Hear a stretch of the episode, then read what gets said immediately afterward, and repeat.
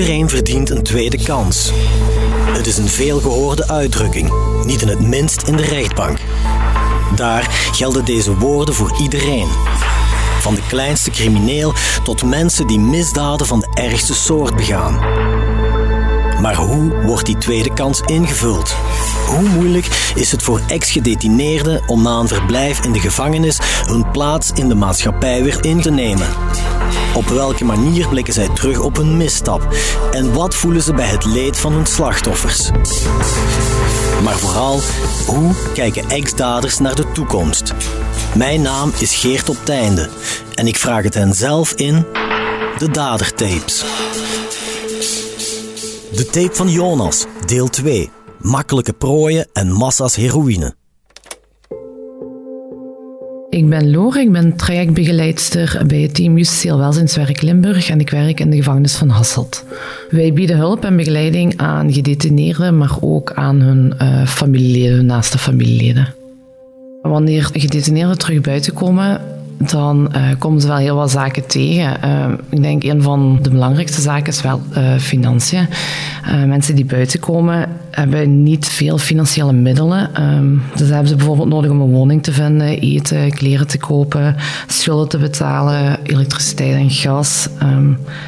Ja, ook een belangrijke verklaring voor het tekort aan financiële middelen is vaak ook ontbreken van de werkstelling. Um, wanneer mensen gaan solliciteren en wanneer ze uit de gevangenis komen, moeten ze vaak al een blanco strafblad kunnen neerleggen. Wanneer ze vertellen aan de werkgever uh, dat ze uit de gevangenis komen, dan zijn soms hun kansen ook al beperkt om een werkstelling. Dus als er dan geen financiële middelen zijn, uh, ze hebben geen werk, ja, dan komen ze vaak terug in de vicieuze cirkel terecht. Bijvoorbeeld een ander hindernis is ook de zoektocht naar een huisvestiging. Um, tegenwoordig zijn de prijzen zeer hoog. Uh, dan komen we ook weer terug op die uh, beperkte financiële middelen, waardoor een woning op de privémarkt vaak gewoon al geen optie is. Uh, andere opties zijn de huisvestigingsmaatschappijen, maar ook daar zijn heel lange wachtlijsten. dan hebben we ook nog de opvanginitiatieven, maar ja, dit is ook altijd niet zo, is niet altijd evident om daar een plek te vinden. En dit is ook maar een, een oplossing voor korte termijn. En dat, ja, dat is een grote hindernis. U hoort Loren Nijens, die onder de koepel van CAW Limburg gedetineerden begeleidt in een terugkeer naar de maatschappij. En die reïntegratie loopt niet altijd op wieltjes, integendeel zelfs.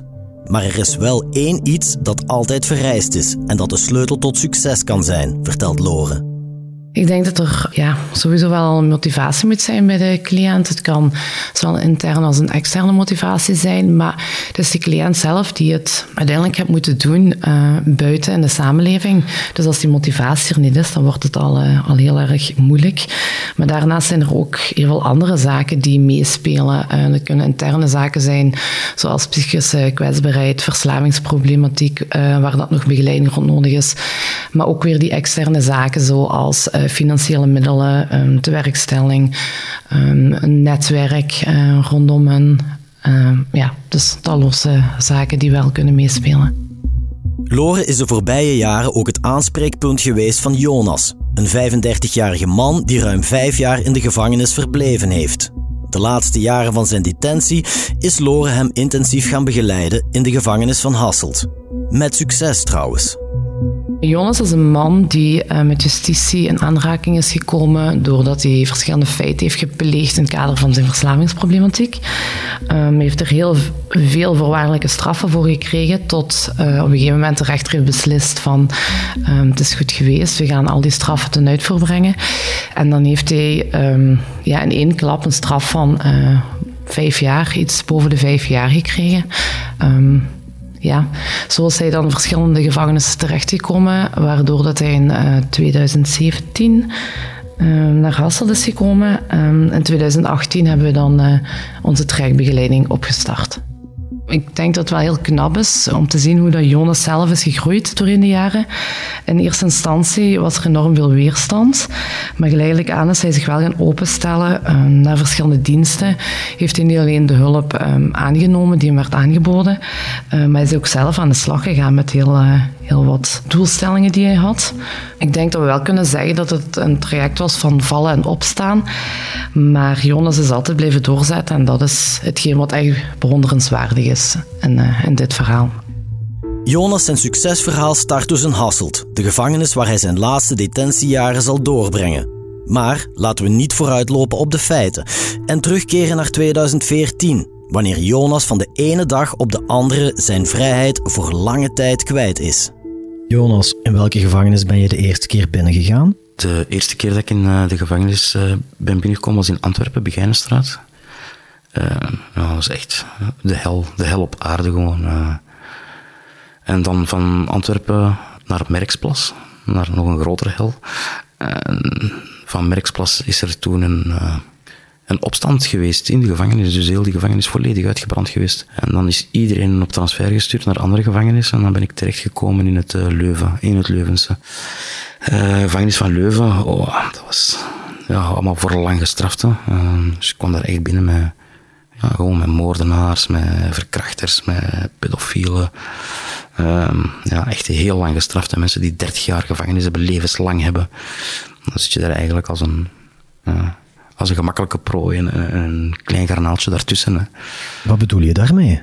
Een gemakkelijke prooi is, uh, ja, je komt binnen en, en iedereen probeert je ja, mee te krijgen in, in, hun verhalen. Dat zijn een soort van, uh, hoe moet ik het zeggen, ja, bendes zijn het niet echt, maar uh, klikjes, hè, allemaal klikjes. En kom, we gaan die proberen verslaafd te maken aan heroïne bijvoorbeeld. Heb ik nog nooit gedaan, gelukkig. Maar ik zeg maar als voorbeeld en dan om je dan te kunnen gebruiken als, als, als ezel. Hè. Stashplaatsen bij u te laten verstoppen, u te laten dealen voor hun. En u dan gewoon af en toe iets te kunnen geven. Dat is één van de voorbeelden. maar zo zijn er zoveel. Hè. Dat is niet de ideale plaats, hè, een gevangenis. Ja, nee, je spreekt over drugs, hè, zelfs over heroïne. Dat is toch onvoorstelbaar? Dat is onvoorstelbaar, maar ik denk uh, dat er meer drugs in de gevangenissen zitten dan uit de gevangenissen. Het is vooral, vooral, vooral heroïne in de gevangenissen. Dat is echt gewoon de realiteit, keiharde realiteit.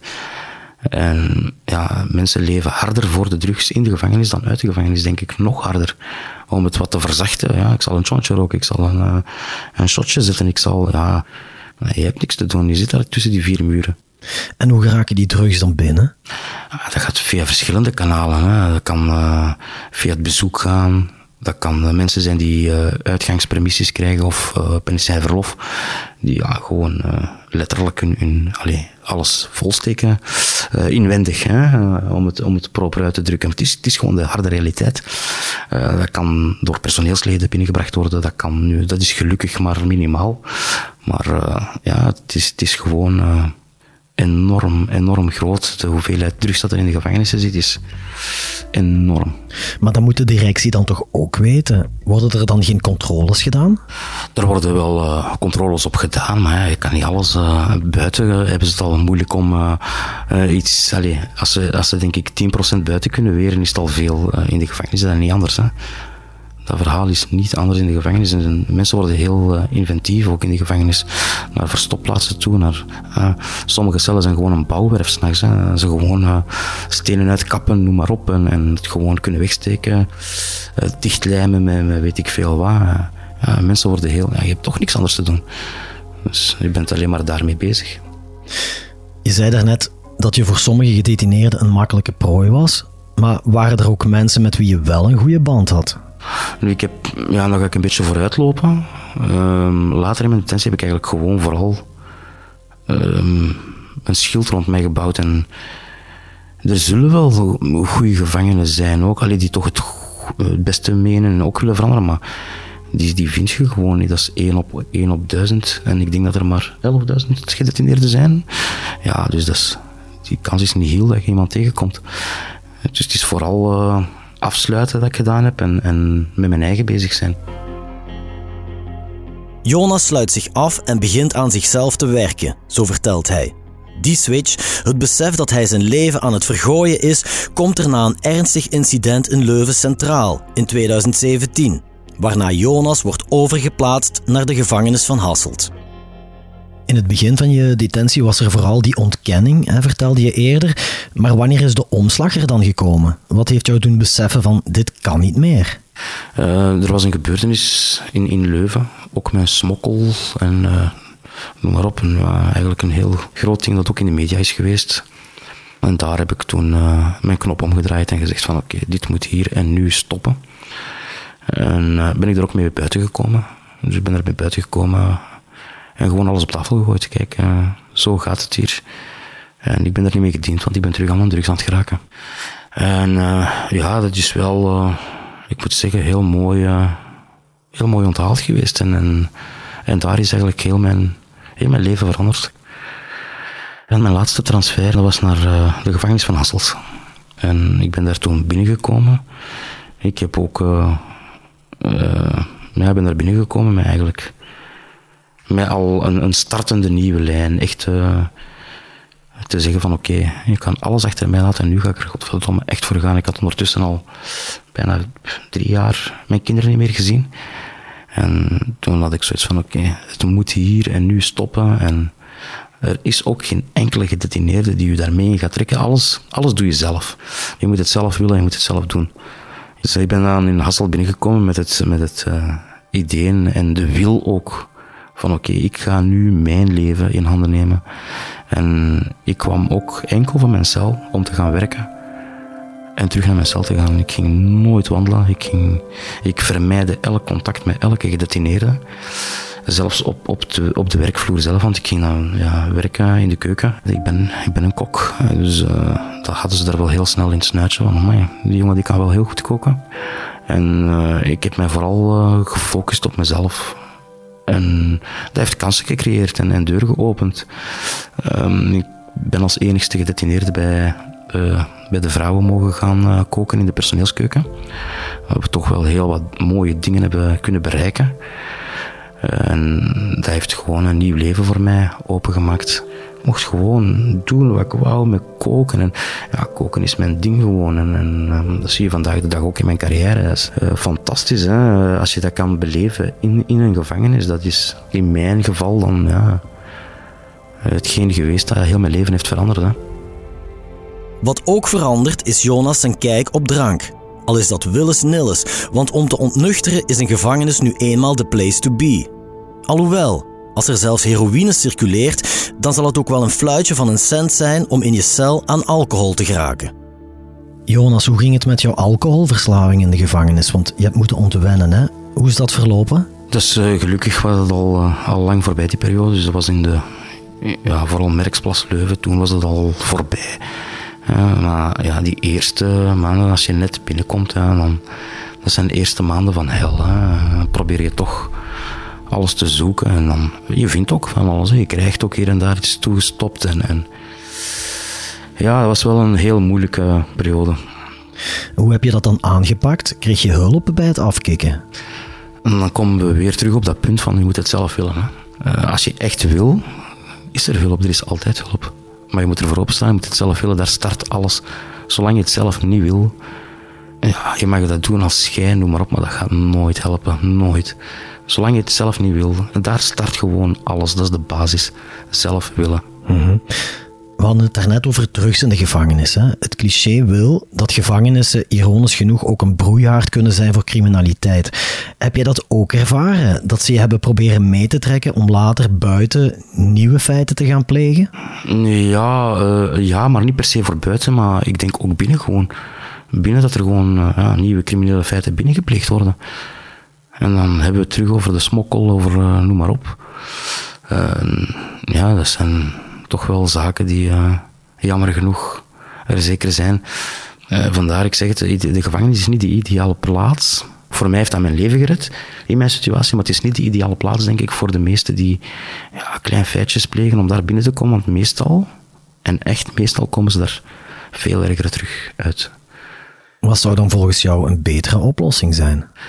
Ik denk vooral een, een, soort van gevangenis, maar waar dat je dan, als het gaat om verslaving, dat je die gewoon apart zet allemaal. Dat een aparte, een soort van aparte gevangenis is voor, voor die categorieën. Je hebt, je hebt nu ook uh, bijvoorbeeld Leuven Centraal is voor lang gestrafte onder het zeven jaar of zoiets mag je daar niet zitten. Dat er ook zoiets wordt gemaakt. En ik denk vooral huizen uh, waar je in opgenomen wordt als een soort van gevangenis, maar waar dat er wel begeleiding is, waar je urinetesten moet afleggen, waar je en noem maar, noem maar op, dat er echt opvolging is. En dat gaat wel helpen, denk ik. Maar echt een gevangenis, gewoon uh, deur dicht en sleutel weg. Ja, de, de, de cipiers in de gevangenis zijn daar ook niet voor opgeleid. Hè. Ze zijn niet opgeleid om, om om te gaan met, met die verschillende situaties. En uh, elk personeelslid gaat er natuurlijk anders mee om op zijn manier. Ze doen maar wat eigenlijk. Uh, wat, wat, ze denken dat in, in hun hoofd juist is. Maar ja, daar, daar knelt het schoentje al. Hè. Als je dan, als je moord hebt gepleegd, heb je moord gepleegd, dan ga je binnen en dat is een ander verhaal. Maar als we praten over verslavingsproblematieken, dat is, dat is ja, een heel ander verhaal. Hè. Wanneer Jonas in de gevangenis van Hasselt eindelijk de omslag maakt, kan hij beginnen denken aan de toekomst. Een toekomst hopelijk met zijn twee zoontjes. Wat vond je het ergste tijdens je detentie? Wat heb je het meeste gemist? Mijn kinderen. Mijn kinderen, ja, absoluut. Dat is, dat is een heel moeilijke periode geweest. En ik zeg het, uiteindelijk had ik ze jaren niet meer gezien. En... Maar blijven geloven erin en echt willen veranderen. Eerst naar jezelf kijken, zelf alles terug op rails krijgen, voordat je dan naar de volgende stap ging. En dat heb ik ook gedaan, echt alles stap per stap aangepakt. En, en ik zeg het echt, uh, ik merkte ook toen ik er voor open stond en, en ik wou echt zelf veranderen. Ik heb echt enorm veel kansen gekregen in Hasselt en uh, ja, dat zal ik ook nooit vergeten. Dat is fantastisch gewoon. Je hebt je kinderen jaren niet gezien, zeg je. In Hasselt ook niet dan? Nee, ik zeg mijn kinderen niet. Zelfs in Hasselt ook niet. Dus, uh... En er was ook geen ander contact? Telefonisch. Telefonisch contact was er wel, maar uh, dat was het ook. Uh, dat was het ook, ja. Dus, ja. Hoe ging het eigenlijk met je vrouw toen jij in de gevangenis zat? Ik, ik heb wel aan mijn leven toen gewerkt en die switch gemaakt, maar wat mijn ex-partner toen op dat moment deed, ja, daar had ik enig geen zicht op. En, maar achteraf is het natuurlijk wel uitgekomen dat dat dan, ja, dat zij gewoon eens blijft doordoen. Hè. Tot vandaag de dag nog steeds trouwens. Dus, um, maar goed, uh, op dat moment moet je gewoon doen wat ik toen gedaan heb. En dat was heel simpel. Alles afsluiten. Alles en iedereen nu eerst ik. Ik ben nu de eerste plaats. Mijn leven moet eerst op rails komen. En dan ga ik er pas een ander leven bij nemen. En dat heb ik ook gedaan. En het is echt heel zwaar geweest, maar... Je zegt ex-partner, dus jullie zijn intussen gescheiden? Uh, ja, ik ben uh, de laatste keer dat ik uh, nog getrouwd was en thuis woonde, was ik aan het werken in Antwerpen in een, restaurant. Ik ben toen thuisgekomen om één uur s'nachts en de sleutel stak op de deur. Dus omdat zij vond dat ik dan te laat thuis was. Maar uiteraard, ja, horeca is laat. En dat is de laatste keer dat ik daar ben binnengegaan. Ik ben daar toen vertrokken. Ik ben toen ook terug naar mijn familie gegaan. En um, ja, toen hebben we gewoon gezegd van oké, scheiding aanvragen en ook gezamenlijk akkoord gehad. Toen was dat ook gedaan, officieel. Maar uiteindelijk kwamen we dan toch wel weer terug samen, een maand of twee, en dan terug uit elkaar. Terug, dus zoals ik zei, was een knipperlichte relatie die bleef uh, gaan. Hè. Als je nu terugkijkt, hoe belangrijk is die scheiding geweest voor je verdere leven? Enorm, hè is enorm belangrijk geweest. Hè. Ik denk als die er niet was, dat wij vandaag nog steeds, ofwel hadden wij een veel zwaarder straf gehad, allebei misschien wel. Wie weet wat er met van de kinderen geweest vandaag de dag. Hadden ze geen mama en geen papa gehad. Uh, weet hadden we moord gedaan in onze roes. Wie weet hadden we... Ja, je kan het gewoon... Uh, ik wil het zelfs niet inbeelden. Uh, ik ben heel blij dat, dat, dat er een punt achter is gekomen en dat ik mijn eigen koers heb gevaren. En vooral ja, een nieuwe omgeving heb gezocht, een nieuwe provincie heb gezocht, waar ik vandaag de dag gewoon super gelukkig ben. En alles heb bereikt wat ik wou bereiken. En toch blijf ik altijd zoeken naar een, een hoe moet ik het zeggen, een soort van totem, toch altijd nog een doel. Dat ik weet, oké, ik heb nu dit en dit, maar niet, geen genoegen meenemen. En oké, wat is de volgende stap? En dan blijven werken naar een nieuw doel. Ik denk dat dat heel belangrijk is in, uh, in iedereen zijn leven. De switch is gemaakt en Jonas is goed op weg om een nieuw leven te beginnen in de maatschappij. Maar om dat te kunnen realiseren neemt hij enkele drastische beslissingen en breekt hij volledig met alles wat hem tot nu toe in negatieve zin gevormd heeft. Meer daarover morgen in deel 3 van De Tape van Jonas.